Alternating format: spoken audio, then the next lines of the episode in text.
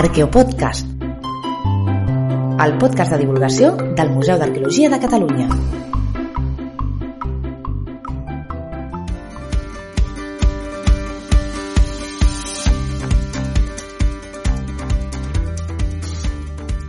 Sabadell és una de les grans ciutats industrials de Catalunya, però alhora amaga un patrimoni arqueològic de valor incalculable.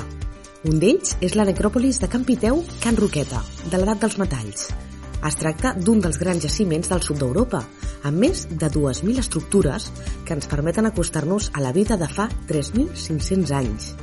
Per conèixer més detalls sobre aquesta necròpoli, anem al Museu de Sabadell. Allà ens espera el nostre company, Aureli Vázquez, acompanyat aquesta vegada per l'arqueòloga i divulgadora Sílvia Comelles. Doncs sí, Helena, efectivament, una altra vegada l'Arqueopodcast es posa en marxa. Aquesta vegada hem vingut a Sabadell, al Museu d'Història de Sabadell, on en molt, en molt poc espai tenim una gran quantitat d'informació um, podrem conèixer la prehistòria molt ben acompanyats perquè avui estem amb la Sílvia Comelles que no només és arqueòloga sinó que a més a més té una llarga experiència com a divulgadora arqueològica. Bon dia Sílvia. Hola, bon dia Aureli. Bueno, la primera cosa, Sílvia, per, per ubicar-nos a Sabadell, és coneguda arreu com una ciutat eh, industrial, una gran ciutat, un gran nucli urbà, però sota aquestes indústries s'amaga un patrimoni arqueològic molt ric, no? la Vila Romana de la Salut, Sant Pau de Riusec, Can Gambús, Can Piteu, Can Roquet, en parlarem. Serien aquests els més destacats? Doncs sí, la veritat és que destacar algun jaciment de, de Sabadell és, és molt difícil, no? perquè és una ciutat arqueològica. Aquí cada cop que removem una mica la terra surten coses. I surten coses de tot el període, excepte de paleolític, és l'únic que ens falta, eh? però sortiran en un futur segur. Uh, penseu que tenim un map arqueològic digital que es pot consultar i hi ha més de gairebé 190 jaciments diferents trobats aquí, eh? I, i tots aquests que has dit doncs, són principals, però bàsicament trobem jaciments eh, al nucli urbà cada cop que remou alguna cosa, es fa algun carrer, sempre surten coses, eh? de la vila medieval, moderna. Després tenim tot el Rodal, que és riquíssim, amb assentaments rurals que, que poden anar des del neolític antic fins a l'actualitat, els masos que encara estan en funcionament, i després tota la part del Ripoll. Eh? El Ripoll és un eix importantíssim, eh, que ja des d'antic va servir com a lloc on, on la gent doncs, es, es col·locava, vivia al costat del Ripoll per aprofitar l'aigua i tots els recursos que hi ha al voltant de l'aigua. Vull dir que no ens l'acabem. I a més a més, és una ciutat que s'estima molt el seu patrimoni. Hm? Hi ha molts protegidors i molts protectors i protectores del patrimoni, i hi ha molta gent que està a la White, i això passa des de fa molts anys, eh? des de principis del segle, doncs que, que es fa recerca, que es vigila, que aquí al Museu d'Història ens ve moltíssima gent a dir, goita, he trobat això, he trobat allò, aquí estan remenant aquest carrer, vull dir que realment hi ha molts ulls vigilant i, i s'estima molt el patrimoni. I això és una sort que tenim i per això tenim tantes coses. Um, abans d'entrar en matèria, eh, estem en una sala, com jo estava explicant, que en molt poc espai tenim realment molta, molta informació. Aquí, per exemple, tenim, estem asseguts just al costat d'una antiga cabana, després en parlarem, però mm, déu nhi si vols fer una petita descripció de les peces que, que ens envolten avui en aquest escenari privilegiat que és aquesta sala del Museu de Sabadell. Doncs sí, aquest és un, és un tresor que, que a més és molt estimat, molta gent el ve veure. Uh, el que passa que és una petitíssima, petitíssima, petitíssima part dels, de, de, del que tenim. Eh? S'han recuperat, recuperat de la prehistòria milers de restes i aquesta sala de la prehistòria, doncs, a través d'una selecció, fa un viatge entre, des del Neolític antic, perdoneu, fins a, fins a l'època ibèrica. Eh? És a dir, els últims pobles de la prehistòria recent que entren en contacte amb els pobles de la Mediterrània i seran els hiverns. Eh? Però aquí tenim doncs, doncs, peces ceràmiques, eines, eh, tombes, fotografies d'enterraments, eh? i aquesta joia, que és la, la recreació de la cabana que va fer l'equip d'Arqueolític, que, que hi pots entrar, la pots remenar, pots tocar, pots venir una estona i, i, i viure, no? fer aquest viatge empàtic cap a la prehistòria, i és el que arrossega que la gent vingui aquí. Eh? Sovint ens trobem nosaltres que fem grups eh, de nens i nenes, grups d'escoles, de, que després al cap de setmana porten a la família i, i venen a passar una estona aquí a la cabana. I per tant és un dels atractius, no? Aquí aquestes pells que tenim aquí dintre, aquestes eines, una reproducció del que seria l'arquitectura d'aquest període prehistòric, no? Exacte, això és el que es diu en, en els jaciments d'aquí es treballa molt l'arqueologia experimental, és a dir, es processos de la prehistòria per intentar entendre com es van fer els objectes que trobem i tota l'arqueologia experimental i la, i la resta de recerca doncs ens permet recrear molt bé aquests espais. Eh? Aquesta cabana que tenim aquí és una cabana feta a escala, però que hi poden entrar un grup de 10 persones tranquil·lament, en el que trobem tot el que ens imaginem que tenien. I no només que ens imaginem, sinó que sabem segur que tenien. Eh? Per exemple, trobem objectes que diries, home, eh, com sabeu que hi eren, com les fibres vegetals, les fustes, els carbons de la foguera, les pells dels animals, doncs als jaciments trobem restes que ens permeten eh, saber quines fustes hi havia, quines pells es, es treballaven, quins animals es menjaven, eh? quina forma tenia la cabana, com era la coberna, encara que no la trobem. Eh? És aquest treball de recerca i investigació que ens permet recrear aquests espais i per tant pot fer un viatge molt autèntic a la prehistòria. Mm? Aquesta cabana, com tu dies, al final és una més de les moltíssimes peces i reproduccions per tornar a l'inici de la conversa on parlàvem del, del gran patrimoni prehistòric museístic i, i, i històric en general, però prehistòric també i en particular, no? a Sabadell. Si tu haguessis de destacar un, un jaciment arqueològic de Sabadell, quin triaries i per què? Una pregunta complicadíssima, eh? perquè tots són de moltíssima qualitat. Uh, entre, tenim dos grans conjunts, que són Can Gambús i Can Roqueta i Can Piteu. Jo, si n'hagués de triar un, triaria Can Roqueta i Can Piteu, sobretot pel que fa a la prehistòria recent, eh? perquè és un jaciment que va des del Neolític Antic fins al... Però tota la part de prehistòria doncs, eh, és un dels, dels jaciments més importants de tot eh? el sud d'Europa segur. És dir, més de, de, de 2.000 estructures eh? que ens permeten recuperar com era la vida i també la mort de la gent que va viure aquí a Sabadell doncs, doncs en aquella època, al final de la prehistòria. Sílvia, quan parlem de finals de la prehistòria, per ubicar la gent que, pugui estar, eh, que puguin estar a casa o al cotxe o fent esport i que no necessàriament tenen la cronologia històrica al cap, de quin període estem parlant concretament? Doncs mira, per situar-nos en el temps en aquest moment, hauríem d'anar uns 3.500 anys enrere. Eh? És a dir, estem parlant de just el, el, el període final abans d'arribar a la història, eh? abans d'arribar a l'època dels hiverns.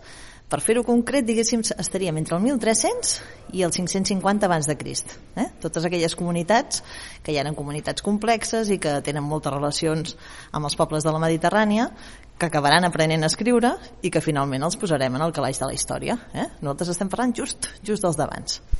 Quin tipus de recerca s'ha portat a terme aquí? Doncs la veritat és que ha estat una sort per aquest jaciment. Jo parlo de jaciment, però mira, a Can Roqueta, a tot el paratge de Can Roqueta, han aparegut més de 20 jaciments diferents. Eh? I tots han estat coordinats eh, des del Museu d'Història de Sabadell. Això ha fet que la coordinació conjunta doncs, ha facilitat molt els treballs. A més a més, es tracta de recerca molt recent. Uh, la gran part de la recerca s'ha fet entre l'any 88 i l'any 2016. Eh? Per tant, són 30 anys de recerca gairebé continuada. Eh?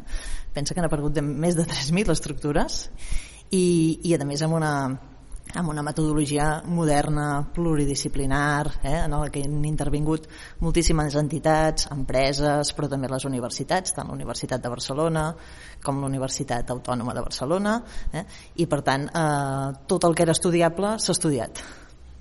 Abans de començar aquesta entrevista em deies, ostres, que Sabadell és un lloc que pels arqueòlegs és, no, no sé si has fet servir aquesta paraula, però és com un, un paradís, un parc d'atraccions, no? i és un punt d'atracció a Europa en general, no? Sí, malauradament el, el, el, que, el tipus de restes que surten eh, són restes que són difícils de conservar. Per tant, clar, no és com en un lloc en què es troba un gran jaciment, no? com Empúries, que el pots museïtzar i la gent el pot visitar. Aquí el tipus d'establiments que trobem són establiments rurals, són establiments doncs, doncs, amb estructures excavades, que un cop els has excavat doncs, el que queda és molt difícil de museïtzar. Eh? Per tant, eh, tenim el museu, tenim la recerca, tenim el, els centenars d'estudis que generen aquests jaciments, eh?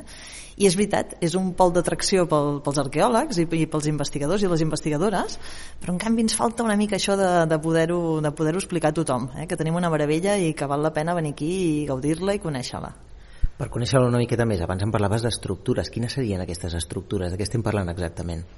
Doncs Goita, eh, la mateixa sort que ha fet que això sigui un territori molt poblat des de sempre, eh? perquè tenim un riu, tenim una plana, tenim multitud de recursos que la gent ha explotat i sobretot els pagesos, eh? les poblacions que s'han instal·lat aquí s'han instal·lat al voltant del riu Ripoll i han estat poblacions pageses. Hm? Com que això ha continuat al llarg de tot el temps, doncs els mateixos pagesos que han vingut després de les èpoques prehistòriques han, han remogut la terra i han, han destruït totes les, totes les capes superficials. Per tant, trobem molt poques eh, construccions eh, del terra cap amunt, però en canvi trobem moltes coses excavades. Mm? Bàsicament trobem retalls i els podríem agrupar en tres, tres tipus de retalls. Els grans retalls, que alguns d'ells eh, hem pogut saber que eren cabanes, i a més ho tenim molt clar que són cabanes, eh? perquè hi ha evidències de que són cabanes eh, a dins hi podries entrar i veuries el fogar veuries fins i tot mobiliari eh? en aquest cas no taules i cadires però sí banquetes excavades o petites foses a l'interior de les cabanes que servien per guardar-hi aliments o fins i tot s'han conservat els forats en els que anaven posats els pals que sustentaven la coberta. És a dir, la coberta no l'hem trobada, perquè és coberta vegetal, eh? Però sí que hem trobat la, la forma que podia tenir la cabana. Això serien uns, els grans retalls. Eh? Després, els que més trobem són els reis de la festa, són les sitges. Eh? Les sitges són aquells forats que, que els pagesos i pageses de la prehistòria utilitzaven per conservar els cereals, bàsicament. Eh? Uh, són grans sitges, uh, per tant, sabem que cultivaven molt, que segurament tenien excedent i que segurament el comercialitzaven. Eh? El que passa que aquestes sitges al llarg del temps ja no les trobem plenes de, de cereals, sinó que hi trobem escombraries. Eh? Els, els arqueòlegs i arqueòlogues eh, som igual de guapos que el d'Indiana Jones, no? però bàsicament trobem escombraries. I, però estem molt contents i contentes de trobar escombraries perquè, clar, quan tu llences una cosa que tu has utilitzat, doncs a nosaltres ens permet saber què has utilitzat, com has utilitzat. Eh? Per tant, estudiant les escombraries d'aquesta gent que trobem a dins de les Sitges, podem recrear. I l'últim, l'últim gran, gran paquet que aquí a Can Roquet, a Torrelomeu eh, i Can Piteu és excepcional, són les tombes. Mm?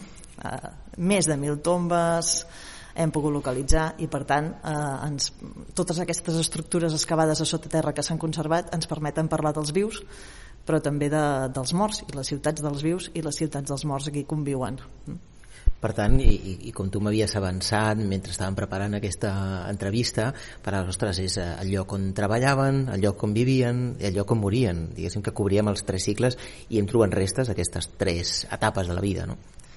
Exacte, aquí podem fer una molt bona foto fixa. Eh? De fet, en, en Francesc Riar, que és un il·lustrador molt, molt reconegut, eh, un il·lustrador de recreació històrica, ha fet una recreació de com podia ser el paratge de Can Roqueta en un moment determinat del bronze final, per exemple. Eh?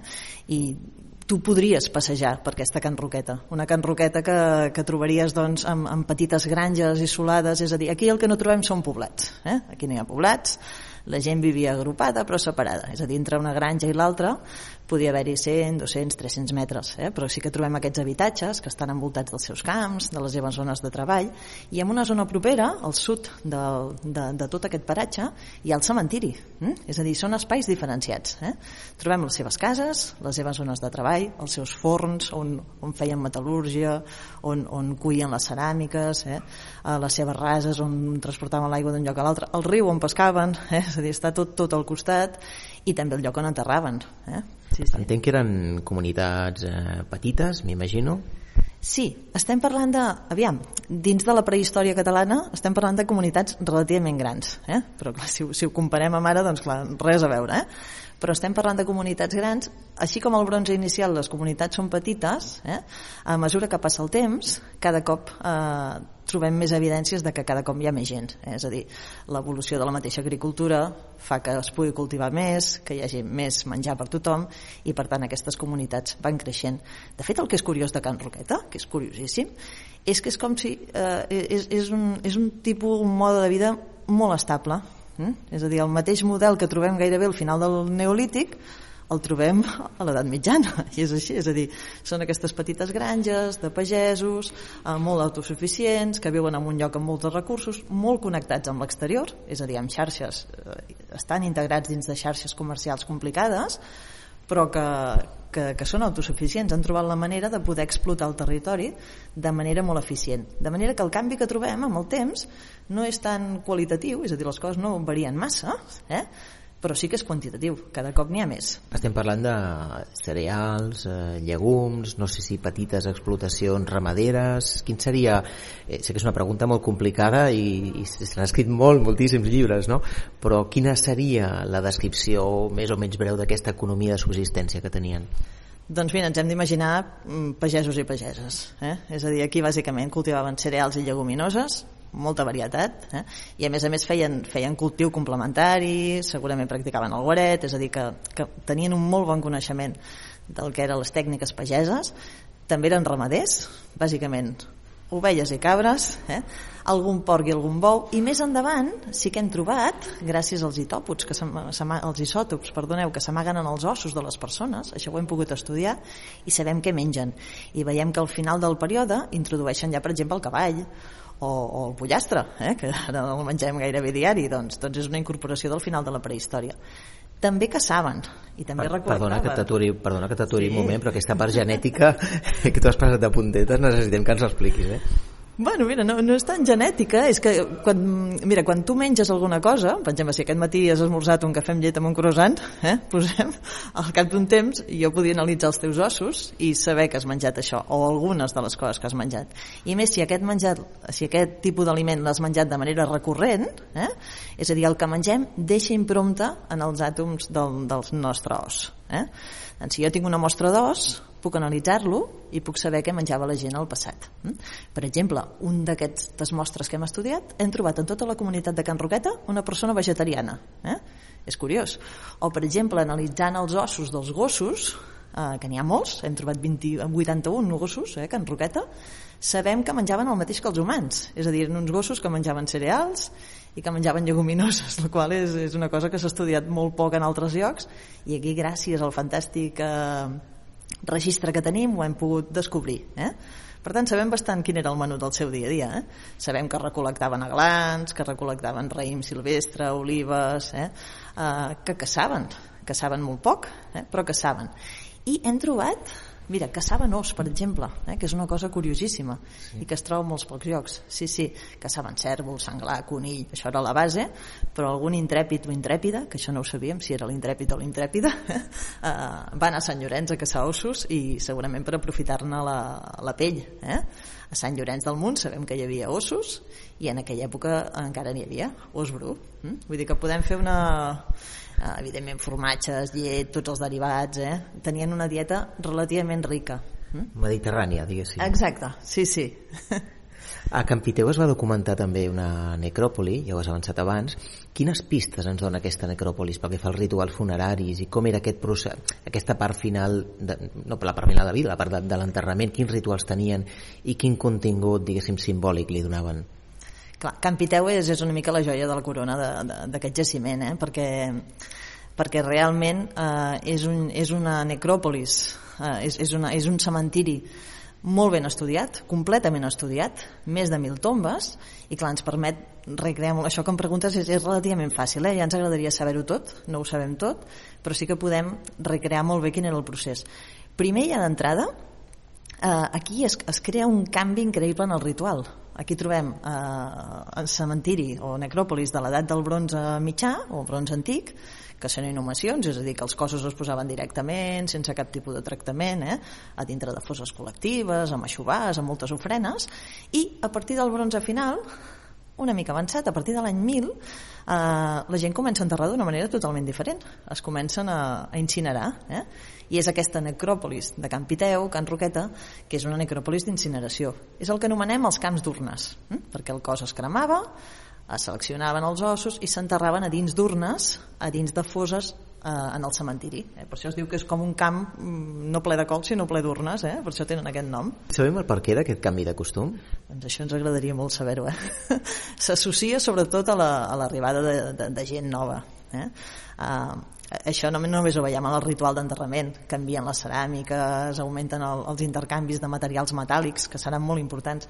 Penseu que estem parlant de, de l'edat dels metalls, però el metall era unes peces que s'utilitzaven molt poc, eren bàsicament objectes simbòlics, eh? bàsicament són ornaments i són algun ganivet, alguna destral que, que pel que ens sembla no s'utilitzaven és a dir, aquí continuen tenint mm, destrals de pedra polida que són les que utilitzen per tallar arbres, per treballar al camp eh, les aixades i continuen tenint ganivets de sílex eh? els objectes metàl·lics són objectes de prestigi i són objectes d'intercanvi hm?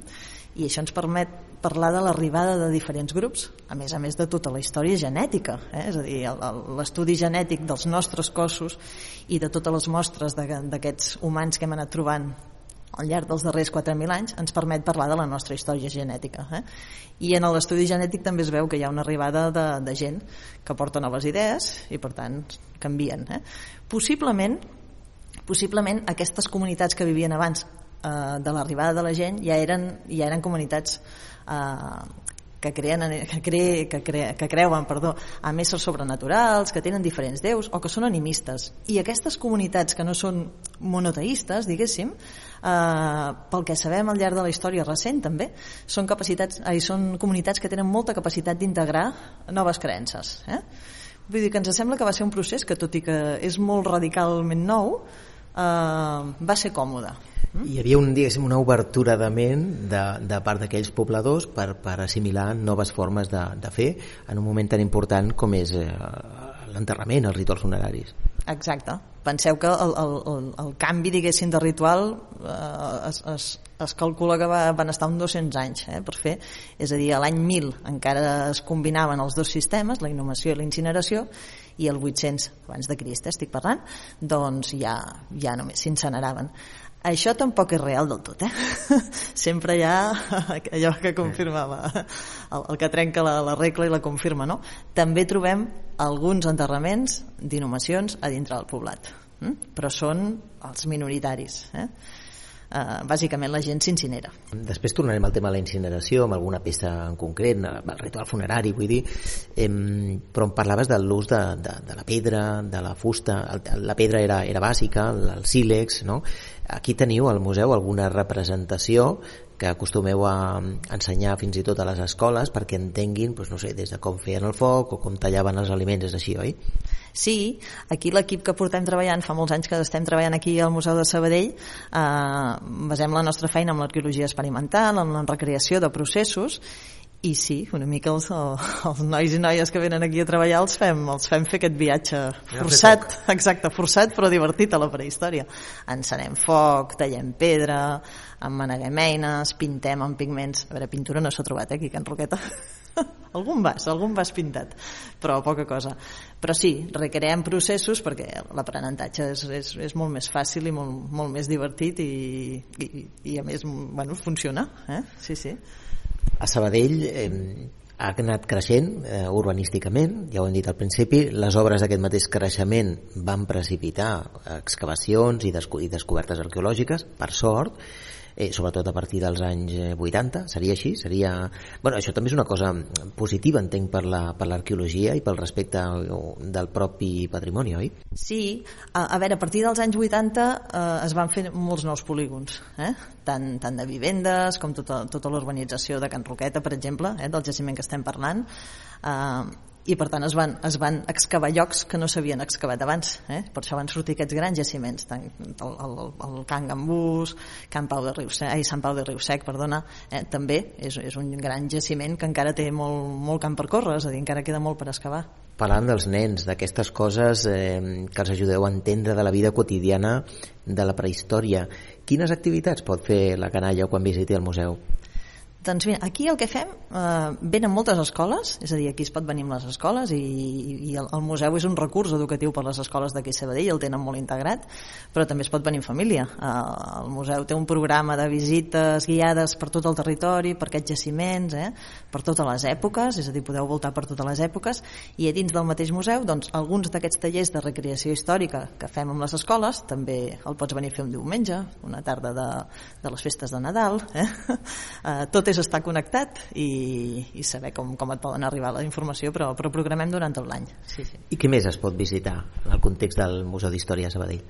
Bueno, serien això, eh? Les visites guiades que fem a, a tot el territori, les activitats d'aquí, tenim, tenim el Museu d'Art, aquí sí, si us agraden èpoques més antigues, doncs hi ha el, el museu el, el paleontològic, el Miquel Cruzafont, eh, que també és molt, molt recomanable. Dic que aquí, si veniu a Sabadell, no us avorrireu. I, per suposat, podeu venir a visitar el museu sempre que vulgueu. L'entrada és gratuïta, podeu entrar a la cabana, remenar i imaginar-vos que esteu fa 4.000 anys. Um, aquí darrere teníem una, aquesta cabana de la que hem parlat, aquesta cabana prehistòrica, una reproducció a escala, eh, però aquí davant tenim també una sèrie d'urnes, hi ha una, que et demanaré que hi anem i que m'expliquis, que és una urna funerària amb, amb aixovar. Ara m'expliques una mica, si et sembla, anem cap allà Molt i ens ho expliques.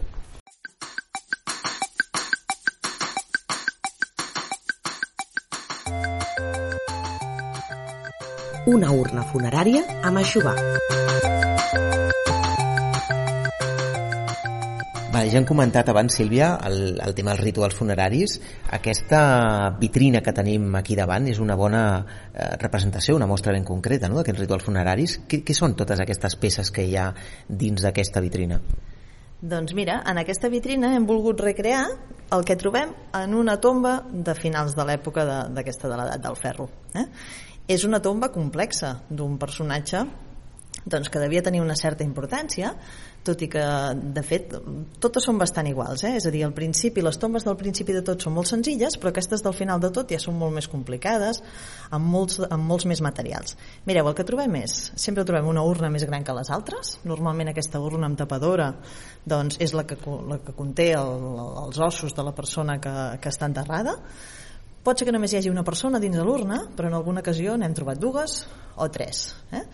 Uh, a dins de l'urna no hi trobem tot, tot els ossos de les persones. Penseu que quan si, si creméssim el nostre cos i peséssim els ossos un cop ens, hem, ens l'han cremat, els nostres ossos pesarien entre 2 quilos i mig, 3 quilos. Eh? Doncs és molt estrany que trobem més de 400 grams d'os. Això vol dir que el cos el cremaven, el cremaven moltíssim, aquí hem vist que, que, que la cremació és total, els ossos els trobem eh, de color blanc, mm? per tant es pot calcular que han estat més de 10 hores cremant-se eh? un cop l'os s'ha cremat els ossos s'han cremat es fa una selecció, no s'enterren tots se seleccionen, aquests que s'han seleccionat es netegen i es posen dins un petit farcellet, això és el que en, ens sembla, eh? perquè hem trobat trossos d'aquests farcellets, eh? hem trobat 5 trossos de teixit. Hm? Aquests farcellets es col·loquen a dins de l'urna i després l'urna es col·loca a dins d'una un, gran fosa a terra. Mm? Però no es col·loca sola. Poses l'urna i després el que hem vist és que en aquest període final eh, l'aixovar, que és totes aquelles ofrenes que els amics, la família ofereixen al mort, és molt abundant. Eh? Trobem, eh, bàsicament són, són eh, gerres ceràmiques de diferents materials eh, que moltes estan plenes de coses. Eh? Ofrenes alimentàries, és a dir, carn que, que comestible d'herbívors eh, que menjaven i que segurament ens permeten parlar d'algun tipus de banquet. Eh? El que no sabem és si, si la, la família participava d'aquest banquet i es donava una part al, al difunt, eh? però sí que sembla que el ritual era, era complexa. Eh? I aquesta uh, urna és bastant voluminosa, no? Sí, sí, sí, que és, és, bueno, ja ho veus, eh, fa gairebé, entre tapadora i tot, fa gairebé mig metre d'alçada, vull dir que sí, sí, les fosses són molt grans en aquesta època, eh? pensa que poden fer entre un metre un metre setanta de diàmetre, vull dir que realment és una inversió de feina important, eh, tant a la vida després de la mort se li donava un, un significat important. Què creien ells d'això? Mira, no, no ho sabem. uh, normalment uh, s'associa al, al ritual de la incineració aquest fet simbòlic de separar l'ànima o l'esperit, eh? si estem parlant d'èpoques tan antigues, de, del cos. Eh? Després, què passa amb l'ànima o què és el que ells s'imaginaven que passava amb l'ànima, això ens és molt difícil de saber. Eh? Algunes d'aquestes tombes, a més a més, ens permeten parlar molt de, de, de quines relacions comercials hi tenien aquest, aquests pobles, perquè eh, aquests, quan connectaven amb altra gent, quan, quan establien relacions comercials i comerciaven amb altres pobles, eh, obtenien materials que no estaven al seu territori, que eren valuosos, i normalment aquests materials de prestigi els posen a dintre la tomba. Mm? I trobem ceràmiques fenícies, per exemple, eh? perquè en aquesta època ja hi havia contactes amb fenicis i grecs, eh, trobem restes metàl·liques, és a dir, eines, coses metàl·liques que, que estan relacionades també amb aquests intercanvis i que formen part d'altres cultures, que no és la nostra, però, però que s'hi adapten. Per exemple, aquí hi ha una peça molt, molt bonica, que és un símbolum, que és com un cullerot. Eh? i és un collarot eh, que servia per eh, per fer libacions, eh, ofrenes de vi. Mm? En aquest moment també des de la Mediterrània ens arriba el vi, el cultiu de l'oli, eh? aquests pobles començaran a cultivar la vinya i començaran a cultivar l'olivera. Eh? I ens arriben, per exemple, eh, hi ha, hi ha peces de vestit eh, metàl·liques, les fíbules, que serien com les agulles imperdibles, perquè us feu una idea, eh? I, i que també són de tradicions doncs, europees, eh? de, de, de transpirinenques, diguéssim, que ens arriben, ens arriben de fora. Eh? Vull dir que realment aquestes tombes ens aporten moltíssima informació de què feien, com ho feien, amb qui relacionaven i la importància que tenien aquestes persones dins del grup. Sí, perquè realment és, és una suma d'objectes eh, important. Aquí tranquil·lament tenim 20 objectes, sí. alguns de decoratius, altres eh, sí, ornamentals, però, però, i l'altra pràctica evidentment que és la, la pròpia urna que com dius tu no només és voluminosa sinó que té una alçada de prop de, de 50 centímetres aproximadament sí, sí. és a dir, hi havia una inversió entenc que de temps, d'esforços i, i de riquesa, diguéssim. No? Exacte. Això ens fa pensar que, home, que, que, que devien tenir alguna idea de què passava després de la mort. Eh? És a dir, això ens fa pensar que realment aquestes comunitats pensaven que hi havia alguna cosa després de la mort i que, per tant, el seu món simbòlic, tot i que no escrivien i no ens ha arribat, no ens han pogut, no, no podem saber què, què pensaven exactament, sí que tenim l'evidència de que, de que realment... Exacte. Eh? Eren, eren societats en aquests rituals eren molt, molt importants. Eh? Doncs Sílvia, moltíssimes gràcies per les teves explicacions didàctiques, divulgatives, com esperàvem de tu, una gran divulgadora arqueològica. Moltíssimes gràcies i, i res, si vols aprofitar per fer per convidar a venir al Museu de Sabadell als oient del podcast, és el teu moment. Doncs escolteu, ja ja trigueu a venir, si no heu vingut a Sabadell heu de venir, eh? tenim patrimoni de tot tipus, patrimoni industrial importantíssim, però no només industrial, eh? sinó que també podem recular fins a fins als primers moments de, de la prehistòria recent i aquí ens teniu, encantats de que vingueu. Moltíssimes gràcies, Sílvia.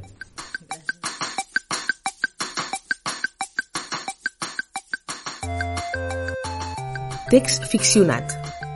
Així era un ritual funerari.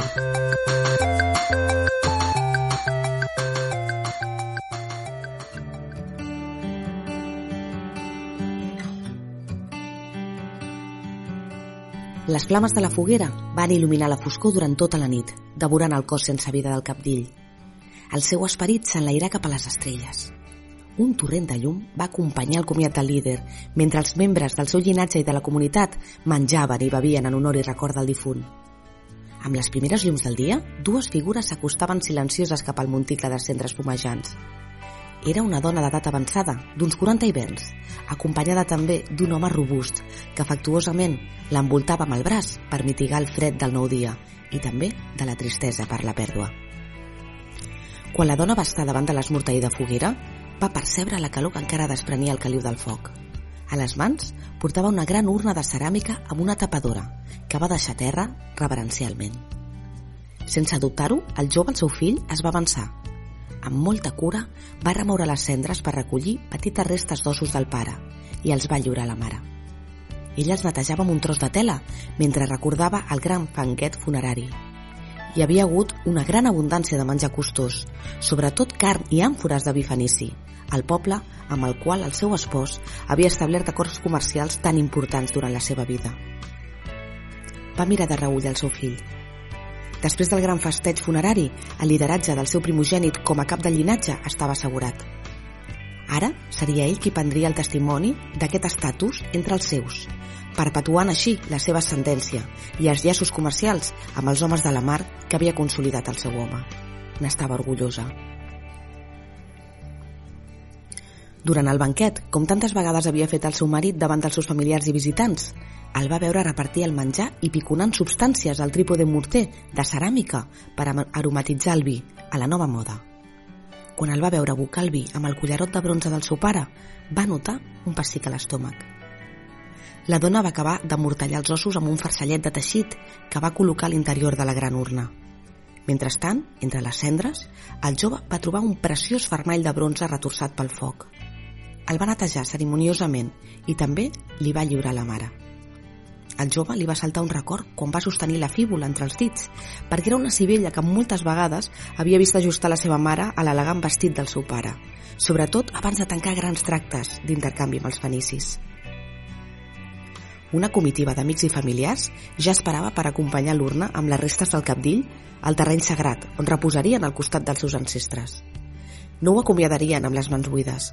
Molts portaven gots de ceràmica, amb ofrenes, excedents del menjar del banquet funerari, com ara car de cèrvol, cervesa, fruits o mel. L'acompanyarien a l'altra vida, juntament amb la resta de la xubà. El grup arriba en silenci, davant de la fosa circular excavada a l'argila fosca. El fill va encabir l'urna a l'interior i al seu voltant 12 gots amb menjar i la xuva amb els objectes metàl·lics. Tots van concentrar la mirada per uns moments en el conjunt abans que quedés ocult, primer per dues grans pedres i finalment per una coberta de fusta.